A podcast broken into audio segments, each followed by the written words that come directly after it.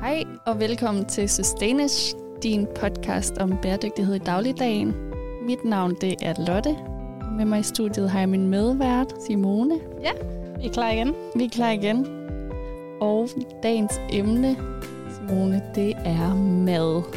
Ja, og hvordan vi spiser generelt mere bæredygtigt og Mm. træffer dem bedre valg, når vi skal ud og vælge vores øh, madvarer. Præcis, og vælge sæsonbaserede madvarer og Lige præcis. en masse gode tips.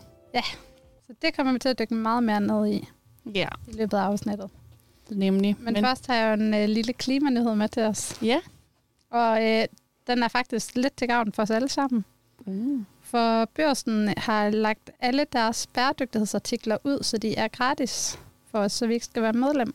Okay, Og så alt hvad der handler om bæredygtighed. Ja, alt med overskriften bæredygtighed kan man gå ind og læse gratis på børsen. Nå, det er da meget fedt. Ja, det, øh, det er rigtig fedt. Og øh, til lytterne, så kan I jo blandt andet gå ind og læse, hvorfor amerikanske forskere mener, at hvis alle gjorde som Danmark, så var vi på røven. Det var ikke den bedste klimanyhed. Nej, ej, men det var fordi, at den danske regering gennem mange år efterhånden er blevet beskyldt for greenwashing.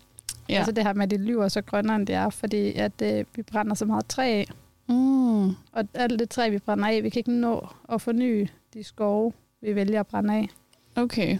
i, selvom vi siger, at det er godt at få energi for at afbrænde træ, så er resten af verden ret uenig med den danske regering på det punkt.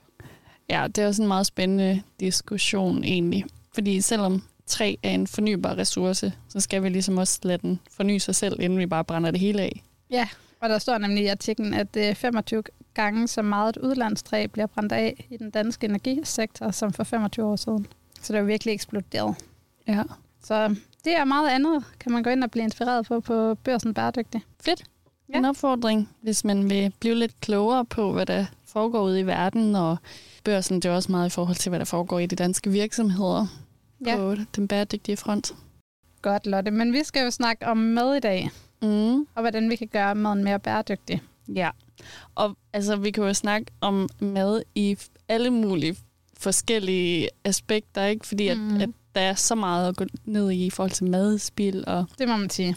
Men i dag så har vi valgt, at vi skal ligesom prøve at fokusere på sæsonvarer, spise i sæson, og så skal vi også snakke lidt om, at man bør måske spise lidt mere, som vores bedsteforældre gjorde.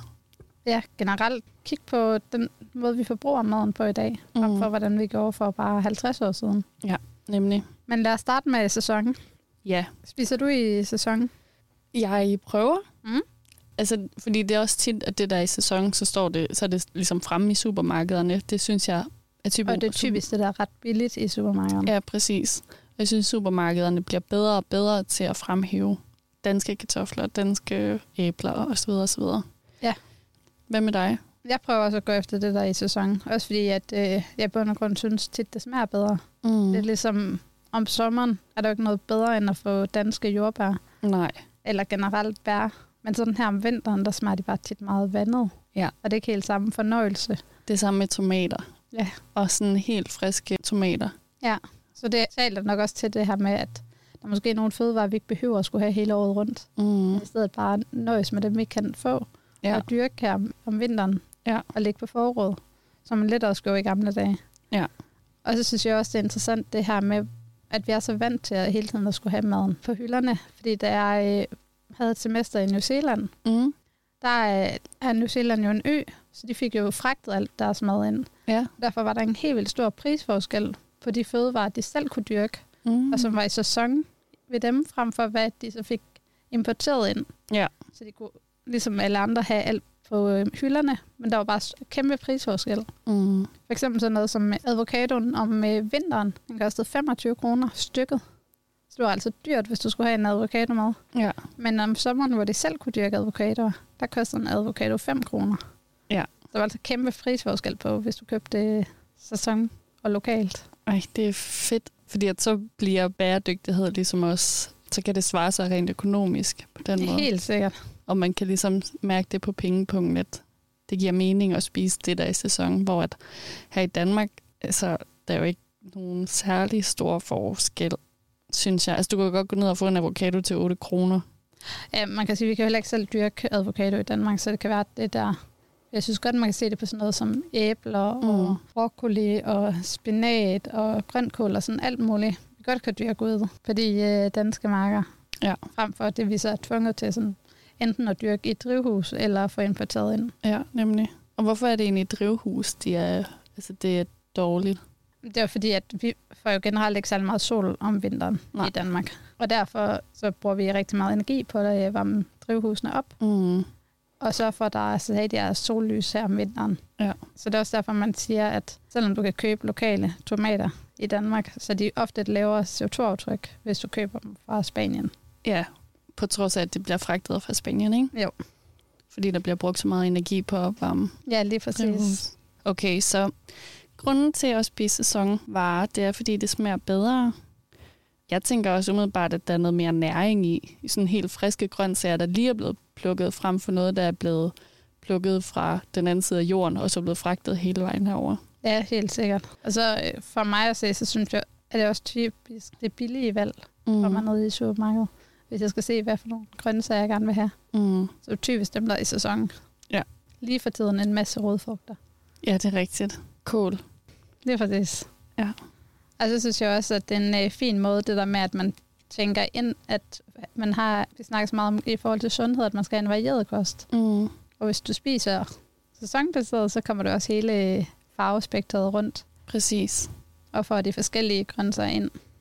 Og det kan faktisk også godt være en fed udfordring for sig selv. Altså jeg har... Det er en egen lille challenge. Ja, men også sådan i forhold til, jeg synes, det er så svært at finde på, hvad man skal spise. Og man skal jo finde på hver aften, hvad man gerne vil have at spise. Ja. Og det er svært at google, når man er sådan lidt ligeglad med, hvad man Mm. mm. skal spise, og ikke helt ved, hvad man har lyst til. Men Ja. ja. hvad hvis nu, at man så siger, okay, det skal bare være et eller andet mad, der er i sæson. Ja. Og så google opskrifter på det, fordi at der kommer sindssygt mange Ja, ja. forslag op Det på er, at vi lige Google. skal lave et øh, opslag med, hvad der er i sæsonen nu her. Ja, Men det synes jeg faktisk også, også hvis der er nogen øh, derude, der får de her måltidskasser. Så ved mm. jeg Mhm. både årstiderne mm. og øh, Hello Fresh, Ja. at de går meget op i at bruge det, der er i sæsonen. Ja. Øh, så de ændrer deres menuer løbende. okay. Ja, fordi årstiderne, det, det ligger også sådan lidt i ordet. Ja. Øh, Jeg vidste faktisk ikke, at, det, det kan man sige. ja, jeg vidste ikke, at Hello, Hello Fresh også var øh, gode på det punkt. Men det er da bare fedt. Ja. Og Forbrugerrådet Tænkt har lavet en Instagram-profil. Mm. Ja, den hedder Tyk på det, eller et eller andet i den stil. Fedt navn. ja, hvor de ligesom øh, både hver måned skriver, hvad der er i sæson, og det kan vi dele derinde fra. Øh, men ellers så kommer med en masse sådan gode forslag til sådan ansvarlig forbrug af mad. Det var mega fedt. Altså, jeg elsker jo også bare, der er fragtet langt væk. Altså som mango og avocado og sådan noget. Det lyder som om, at det var et kriterie for Og dig. aubergine- Nej, men det er mere det der med, at nej, jeg snakker med mine bedsteforældre, så aner mm. Mm. de jo ikke. Eller så ved de ikke, hvad de skulle bruge det til. Men de Mm-mm. spørger jo, hvad det er. Og sådan. Ja, det er sådan helt vildt eksotisk for dem. Mm. Det er rigtigt. Men det er jo også noget, man kan sige, at den her udvikling af vores fødevarer, det er ret interessant, synes jeg, at tænke tilbage på, fordi at inden globalisering, så Ja. ja. var det bare, altså helt, det var slet ikke en ting, at vi skulle have varer fra Sydamerika eller fra Afrika eller noget i den stil, men så i takt med globalisering, så er det bare blevet meget mere normalt, og nu kan vi slet ikke forestille os at gå ind i et supermarked, og vi ikke kan få alt. Altså, især kaffe ville jeg have et øh, kæmpe issue med, hvis... Øh, Hvis vi kun havde dansk kaffe. ja, det tror jeg ikke engang, vi kan.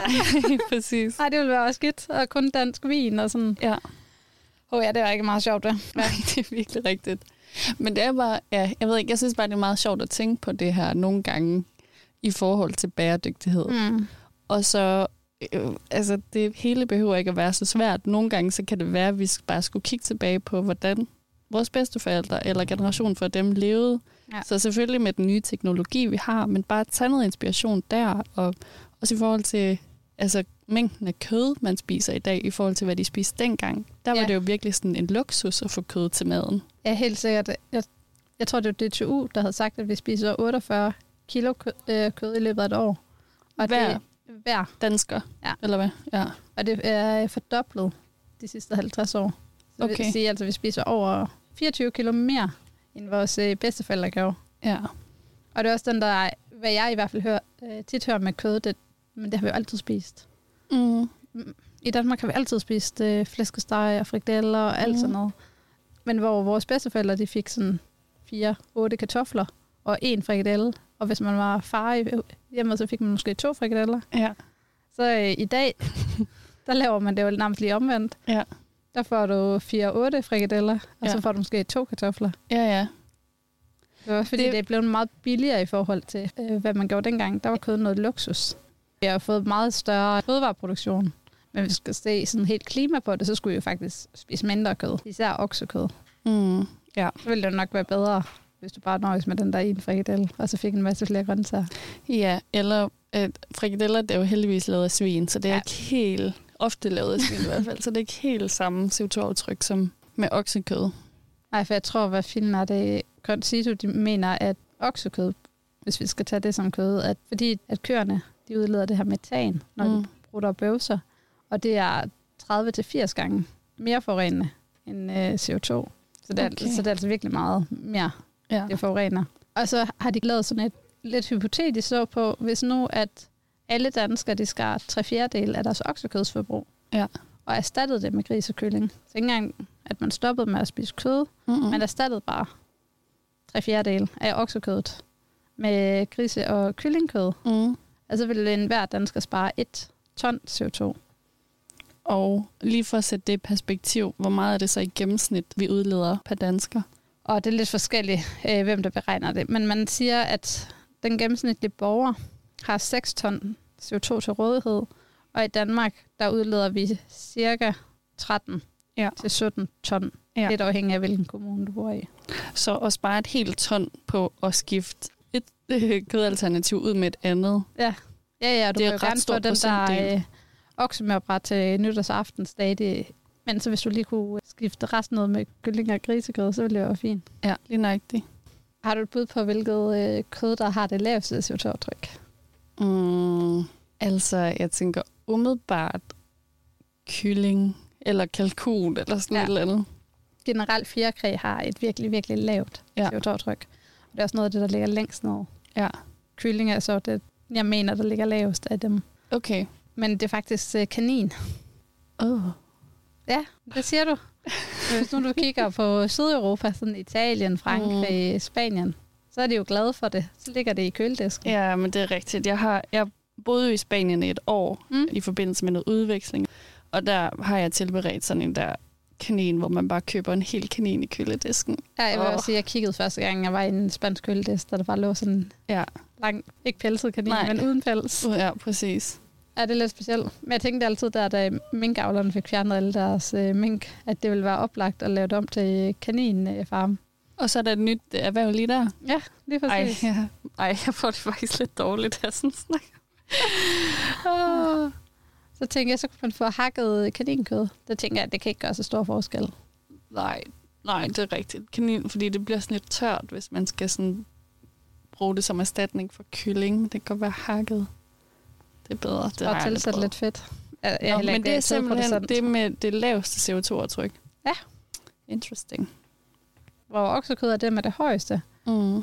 Så øh, er sådan kød alternativ, og så vil det være det. Okay. Men ellers så er fisk og grøntsager har jo også typisk et øh, noget lavere Ja. ja. aftryk. Jeg har også selvom faktisk- man importerer øh, bælfrugter og andet langt væk fra, så vil det også være en bedre øh, protein-alternativ. Ja, fordi man skal huske på, at når man spiser for eksempel svinekød og får protein fra det, så har svinet de er jo ligesom blevet fodret med bønner Højst sandsynligt sojabønner, der alligevel er importeret fra lige nøjagtigt. Sydamerika.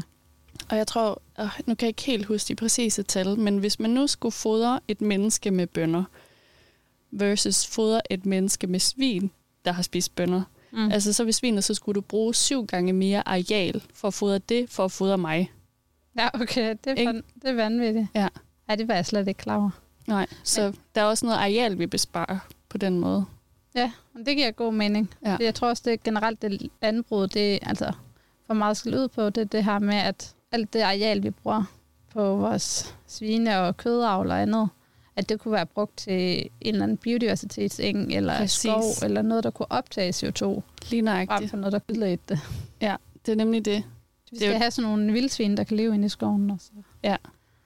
Jamen det er det. Altså det, det her med kødforbrug, det har bare så mange konsekvenser, og det er også mm. derfor, der er så mange, der virkelig sådan har stærke holdninger til det, fordi at det kunne hjælpe os på alle mulige måder, også på mm. biodiversiteten. Jamen det synes jeg generelt, det skal vi altså lige have et øh, helt afsnit om på et tidspunkt. Mm. Men biodiversitet og fødevare hænger jo uløseligt sammen, mm. fordi at alt vores fødevare er afhængig af, at der er biodiversitet. Ja. Men vores fødevareproduktion er bare det, der skader biodiversiteten allermest. Ja.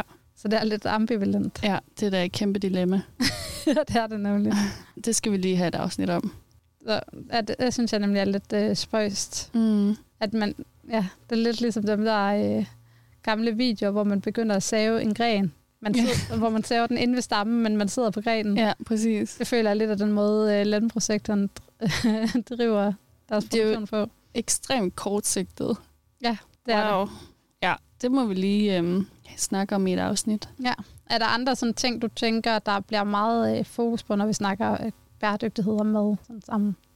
Altså, der er også noget i forhold til mælk og ja. sådan andre animalske... Altså mælk især, tror jeg, er sådan en lidt du kan argumentere for imod. Altså, der er mm. folk, der prøver at sælge mælk, der siger, mælk det udleder nærmest ikke noget CO2, fordi det er bare et restprodukt fra kødproduktion. Ja, men det, jeg tror også, det er fordi, i Danmark er vi et landbrugsland, og jeg tror, de fleste er altså vokset op i folkeskolen, mm. med at man havde den der mælkeordning, og vi lærte, at man skulle drikke mælk for at vokse, og vi havde brug for kalk. Mm. Men det er sådan, hvis vi kigger på sådan andre dyr, som køer, eller øh, andre pattedyr, så vi er jo det eneste pattedyr, der egentlig vælger at drikke mælk, efter at vi er kommet fra vores mor. Ja, og så fra et andet pattedyr også, ikke? Ja, så det, øh, det er jo lidt specielt. Mm. Men altså, man kan sige, nu er jeg også meget glad for min mælk i kaffen og ost, så jeg, det er også et område, jeg har fokus på. Øh, ja. Men jeg ved, at det, man siger i Danmark generelt, det er, at øh, vores øh, mælk det er cirka 20 gange mere forurenende end for eksempel havremælk. Mm. Og at den gennemsnitlige dansker bruger omkring 60 kilo CO2 på øh, mælk, ifølge Concito. Okay. Ja. Og der ved jeg, at øh, Concito de giver egentlig mælkeproduktionen øh, 50 procent i rabat. Så det ville egentlig være dobbelt så højt, hvis de ikke gav den her rabat. Og det er så fordi, at det ligesom er et restprodukt for kød, eller hvorfor får de rabat? Mm, Ja, at, eller fordi kød bliver et restprodukt af mælkeproduktionen. Ja. Så at det... At det, man får ligesom to for en. Ja, lige præcis. det bliver brugt, øh, køerne bliver brugt til mere end en ting. Ja, okay. Når de har udtjent deres mælkeproduktionstid, mm. så bliver de lavet op til hakket oksekød. Ja, præcis. Og så, får, øh, så giver de lige lidt rabat ja. øh, de forskellige steder. Ja. Fordi det kan producere flere gange. Men øh, når du siger det her med mælk i kaffen, mm. så vil jeg godt lige slå et slag for havremælk i kaffen, fordi jeg synes bare, at havremælk i kaffen, det bliver meget bedre, fordi at havre også er lidt sødt, så man får sådan lidt sådan sødmælks. Men det tror jeg faktisk smag. også mange øh, børn, der vokser op med øh, havremælk frem for almindelig mælk, mm. at de synes, at almindelig mælk ikke er så lækkert, fordi det ikke har den her sødme, ja. som vi er vant til. Mm. Ja. Men jeg synes også, at der er nogle af de der mælkealternativer, der fungerer så godt for mig. Ja. Men jeg er også særlig glad for mandelmælk. Men det er mere i smoothies og sådan noget. Det synes jeg virkelig lækkert. Smoothies. Smoothies. I forhold til det her med CO2 i mm. det mad, man spiser og sådan noget, det kan godt være sådan lidt svært at vide. Altså fordi, hvad er lige godt?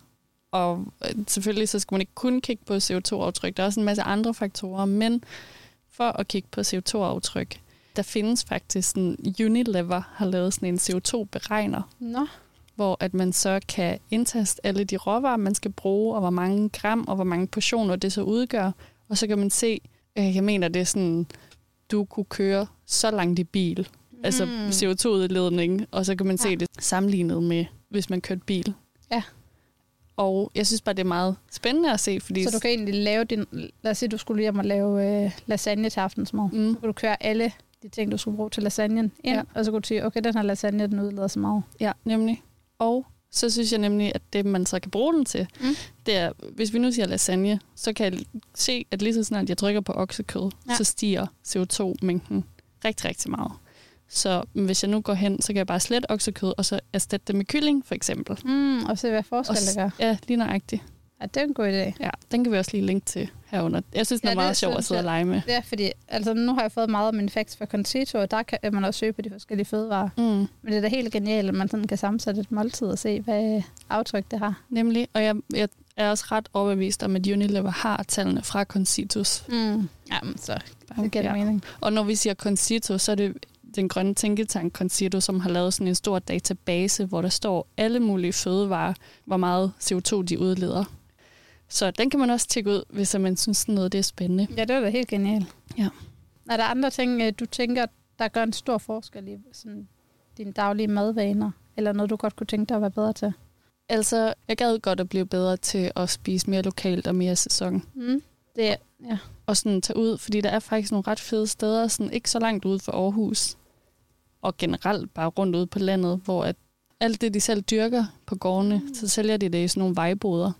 ja, jamen, det kender man jo fra sommer. Ja, Men det er jo jordbær og ærter og sådan noget. føler Ja. jeg. Men også sådan, altså nu, I har jo høns derhjemme Ja. ved dine forældre, så der får I æg. Altså jeg gad godt at købe æg ved en lokal gård, i stedet for at købe det i Netto. At det, jeg har virkelig svært ved ja, at få æg andre steder end mine forældre. Mm. Men det er fordi, at øh, jeg ved, hvordan deres æg ser ud indvendigt, og så når jeg åbner æg fra supermarkeder, eller når jeg får æg på hoteller, så er jeg bare sådan, de der blommer, de er helt matte, og det har bare ikke været høns, der har haft det godt, føler jeg. Nej, nemlig.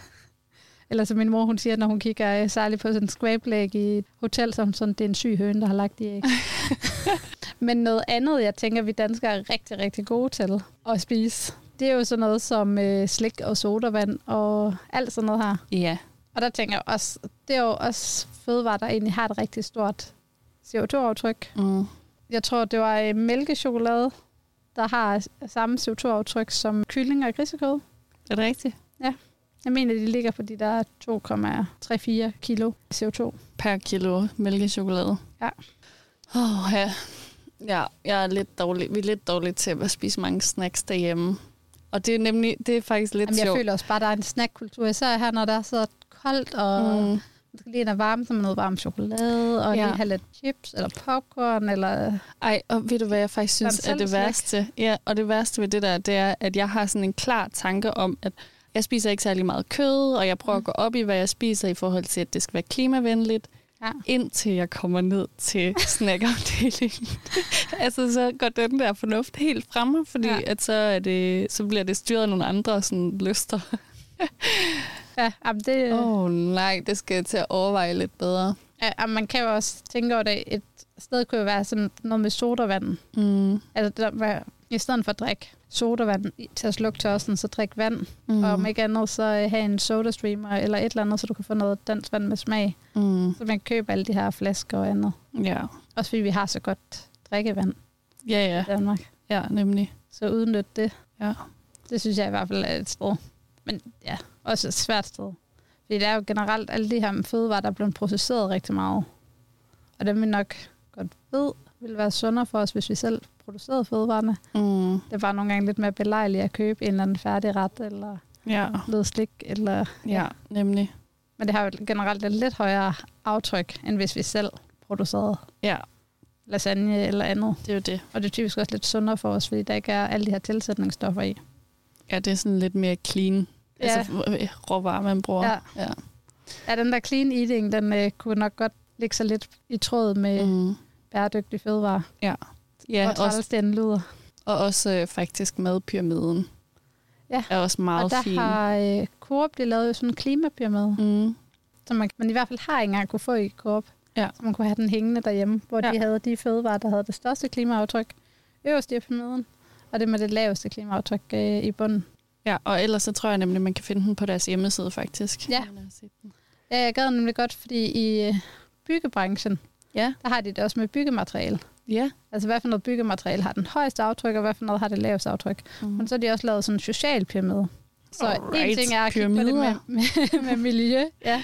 men så kigger de også på, okay, hvilket af de her byggematerialer har den højeste sociale ballast, altså hvor er der mest børnearbejde, eller slaveri, eller andet i udvinding af det, det scorer selvfølgelig øh, højst, og hvad for nogen kan vi så, Hvad for noget skal vi bruge meget ja, af? hvad for noget bliver udvendt på den mest socialt ansvarlige måde. Det tænker jeg jo også kunne være interessant, fordi der er jo sådan noget som i hvert fald chokolade, te, ja. Ja. kaffe, cigaretter, Mm. Alt sådan noget, hvor man for eksempel ved, at der er meget slaveri involveret i, Mm. eller øh, andet ikke så godt øh, arbejdsforhold. Ja, så Mm. man gør det op på noget andet end bare CO2, fordi Ja, så, så man måske lærer vægten begge steder. nemlig. Det, det er lige en opfordring til Coop. Det bliver jeres næste pyramide. Ja. Den sociale fødevarepyramide. ja, I tager den bare. Ja. Bare lige, I skriver lige Simone Nielsen i bunden. Ja, så er ideen jeres. Fedt og fedt. den er sendt videre til Coop. Perfekt. Jamen, så har jeg også hjulpet nogen i dag. Ja, det er godt. Godt, men øh, jeg tænker også, øh, vi er ved at være ved vejs ende. Mm. Men øh, jeg skal jo høre, hvordan gik det med din øh, tøj-challenge? Min outfit repeater challenge. Er det blevet en Lizzie McGuire? Ja. Jeg er blevet totalt Lizzie McGuire. Fik du set filmen? Nej, ikke endnu. Nej. Den har jeg stadig på min... Øh, to do. ja. Når jeg rigtig skal hygge, så ja. Ja. er det Lizzie McGuire, jeg sætter på. Øh, jamen, det er faktisk gået rigtig fint. Jeg lagde en video på vores Instagram. Man kan hoppe ind og se på sustain.ish på vores profil der. Med mine forskellige outfits, og jeg brugte faktisk kun 11 stykker tøj. Med undtagelse fra Ah, Okay. sokker. Jeg har lige vist det. Altså, jeg optog videoen på samme dag, fordi at ellers så ville det være et meget langt projekt. Men ja, 11 stykker tøj. Og jeg vil sige, øh, jeg viste videoen til min søster, og så var hun sådan, altså har du ikke andre par bukser? fordi jeg har de samme bukser på i, i alle klippene. Så det er kun det sidste, hvor jeg, ikke, øh, hvor jeg så skifter bukser. Men øh, til det vil jeg faktisk sige, at det er meget typisk for mit tøj, at jeg sådan, det er mest bluser, jeg skifter, fordi bukser har jeg sådan, man skal bare lige have et par stykker, der er gode, så behøver Ja. man ikke så meget mere. Altså, øh, medmindre du som mig har en tendens til at spille på dine bukser. så, Men det er der, jeg kører altid med mørke bukser. ja, jamen, det gør jeg også godt. Men Så, jeg, jeg havde også tænkt, at de der cowboybukser, de bliver virkelig brugt meget. Ja. Men det er godt. Vi skal udnytte det. Og man kan Det er sige, det. det. hvis øh, den fax, jeg engang har fået stukket i hovedet, er, at man bruger øh, et stykke tøj i gennemsnitligt syv gange, før det bliver smidt ud, så har du allerede øh, brugt øh, de der cowboybukser mere end øh, gennemsnittet. stærkt. Så det er og perfekt. de er blevet brugt rigtig meget mere end syv gange. Og de holder bare, så det er dejligt. Dejligt, dejligt. Ja. Ja. Ej, det er fedt. Så det vil egentlig sige, at potentielt, Mm. hvis man skulle have en sommer outfit repeater, så kunne jeg godt faktisk bare have givet den der fem, seks stykker tøj. Ja, ja. Syv Det er stykker easy. tøj. Så En behøver til man hver ikke de der øh, bluser ud over t-shirten. Ja, det kunne du sagtens. Men øh, noget, jeg tager med fra den her challenge, og som jeg også vil give videre, det er, at jeg bruger få stykker tøj. Det skal jo mere være sådan et symbol på, at man behøver ikke gå ud og købe alt muligt. Altså, du kan godt sætte en masse forskellige outfits sammen dag. Mm. af det samme tøj. Jeg synes også, nogle gange det er sjovt, hvis man lige har tiden en aften, mm. til at gå i ens tøjskab, som om man var i en butik. Ja. Altså, eller bare tage pind for øjnene, pille noget forskelligt tøj ud, og så prøve at sætte det sammen. Ja. Fordi det er også det der med, at nogle gange køber du tit noget nyt tøj, fordi du lige har set et eller andet smart på en mannequin, eller et ja. eller andet, så tænker du, ej, det er, jeg bliver nødt til at købe det tøj, for at jeg kan få samme Mm. look. Men hvis man lige prøver at skifte rundt på ens øh, tøj på den måde, man gør det i, Ja, nemlig. Altså, fordi det var heller ikke særlig mange år siden, det kom ind, det her med, at vi tog kjoler ud over vores t-shirt og trøjer. Det, Og det det. var også bare... Altså, det har godt nok været inden før, men det var, ellers var det jo en ny ting, og en ny måde at bruge sine øh, kjoler på. Så De havde i hvad- hvert fald sommerkjoler, som Ja. ja. man lige pludselig skulle bruge om vinteren. Det er det. Jeg kan også anbefale, at man lægger noget tøj til side og vil give det væk til sine veninder, og så have ens veninde til at komme over og prøve mm. tøjet. Så bliver man også hurtigt sådan, ej, den er faktisk mega pæn, den der. Ja, den får du ikke alligevel. Nej, nemlig. Mi, Jeg tror faktisk gerne, jeg vil beholde den der. det var en fejl, den røg der. Ja. Oh, ja. Så øhm, Er det en god ting? du giver mig bare challengen igen til sommer, så øh, ja. Ja. kan du vente og se en rigtig fed video. Jamen, det glæder jeg mig til. Har du så en challenge med til mig i den her? Det har jeg i hvert fald. Og challengen til dig, den kommer meget i tråd med det, vi har snakket om i dag, nemlig at handle sæsonvarer. Yes. Råvarer, der er i sæson. Så i næste uge skal jeg primært købe røde frugter, kan jeg næsten regne ud. Jeg må Ja. lige ind og tjekke, hvad der er i sæsonen i januar. Ja, så i januar, der er det sådan noget som rødfugter, ja. Ja. kål, jordskokker, Uh. Jordskokkesuppe. mm, porer, Og Rødbeder. svampe. rødbede, frikadeller kunne du lave. Det er faktisk sygt lækkert.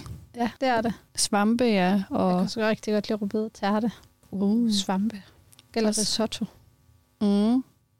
Det lægger meget op til lige de her råvarer. Ja. Ja. lægger meget op til sådan en rigtig lækker simmer, grød, ret, Ja. grydret eller andet. Jamen, det elsker jeg. Mad i skål. Det, Ja, det er perfekt. Mad, man kan spise måske. Ja, tak. Godt. det fortsætter vi bare. Ja, nemlig. Det gør jeg.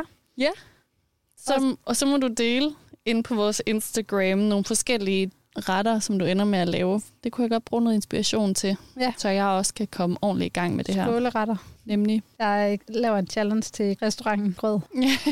Jeg synes, vi skal ja, lave et offentligt battle med dem. Hvem kan proppe flest retter ned i en skål? Ja. Nej, Det er lidt sjovt. nej. Det glæder jeg mig til. Jeg ender nok i stedet med at stjæle en vasidere inden for deres hjemmeside. Ja, det synes jeg også, det er meget smart. Der er ikke nogen grund til at opfinde den dybe tallerken, så Nej, nej. forstod du den, Altid, øh, den dybe tallerken? Ja. jeg forstod den godt. Ligesom vi altid skal springe over, hvor gader er lavest. ja, nemlig. Stærkt. Jamen, øhm, så er det vel det for i dag. Ja. Vi håber, at I har fået noget inspiration til at gå ud og handle nogle mere klimavenlige råvarer.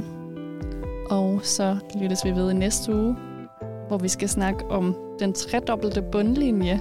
Ja, så der kommer vi endnu et uh, lidt nørdet bæredygtighedsafsnit. Lige nøjagtigt.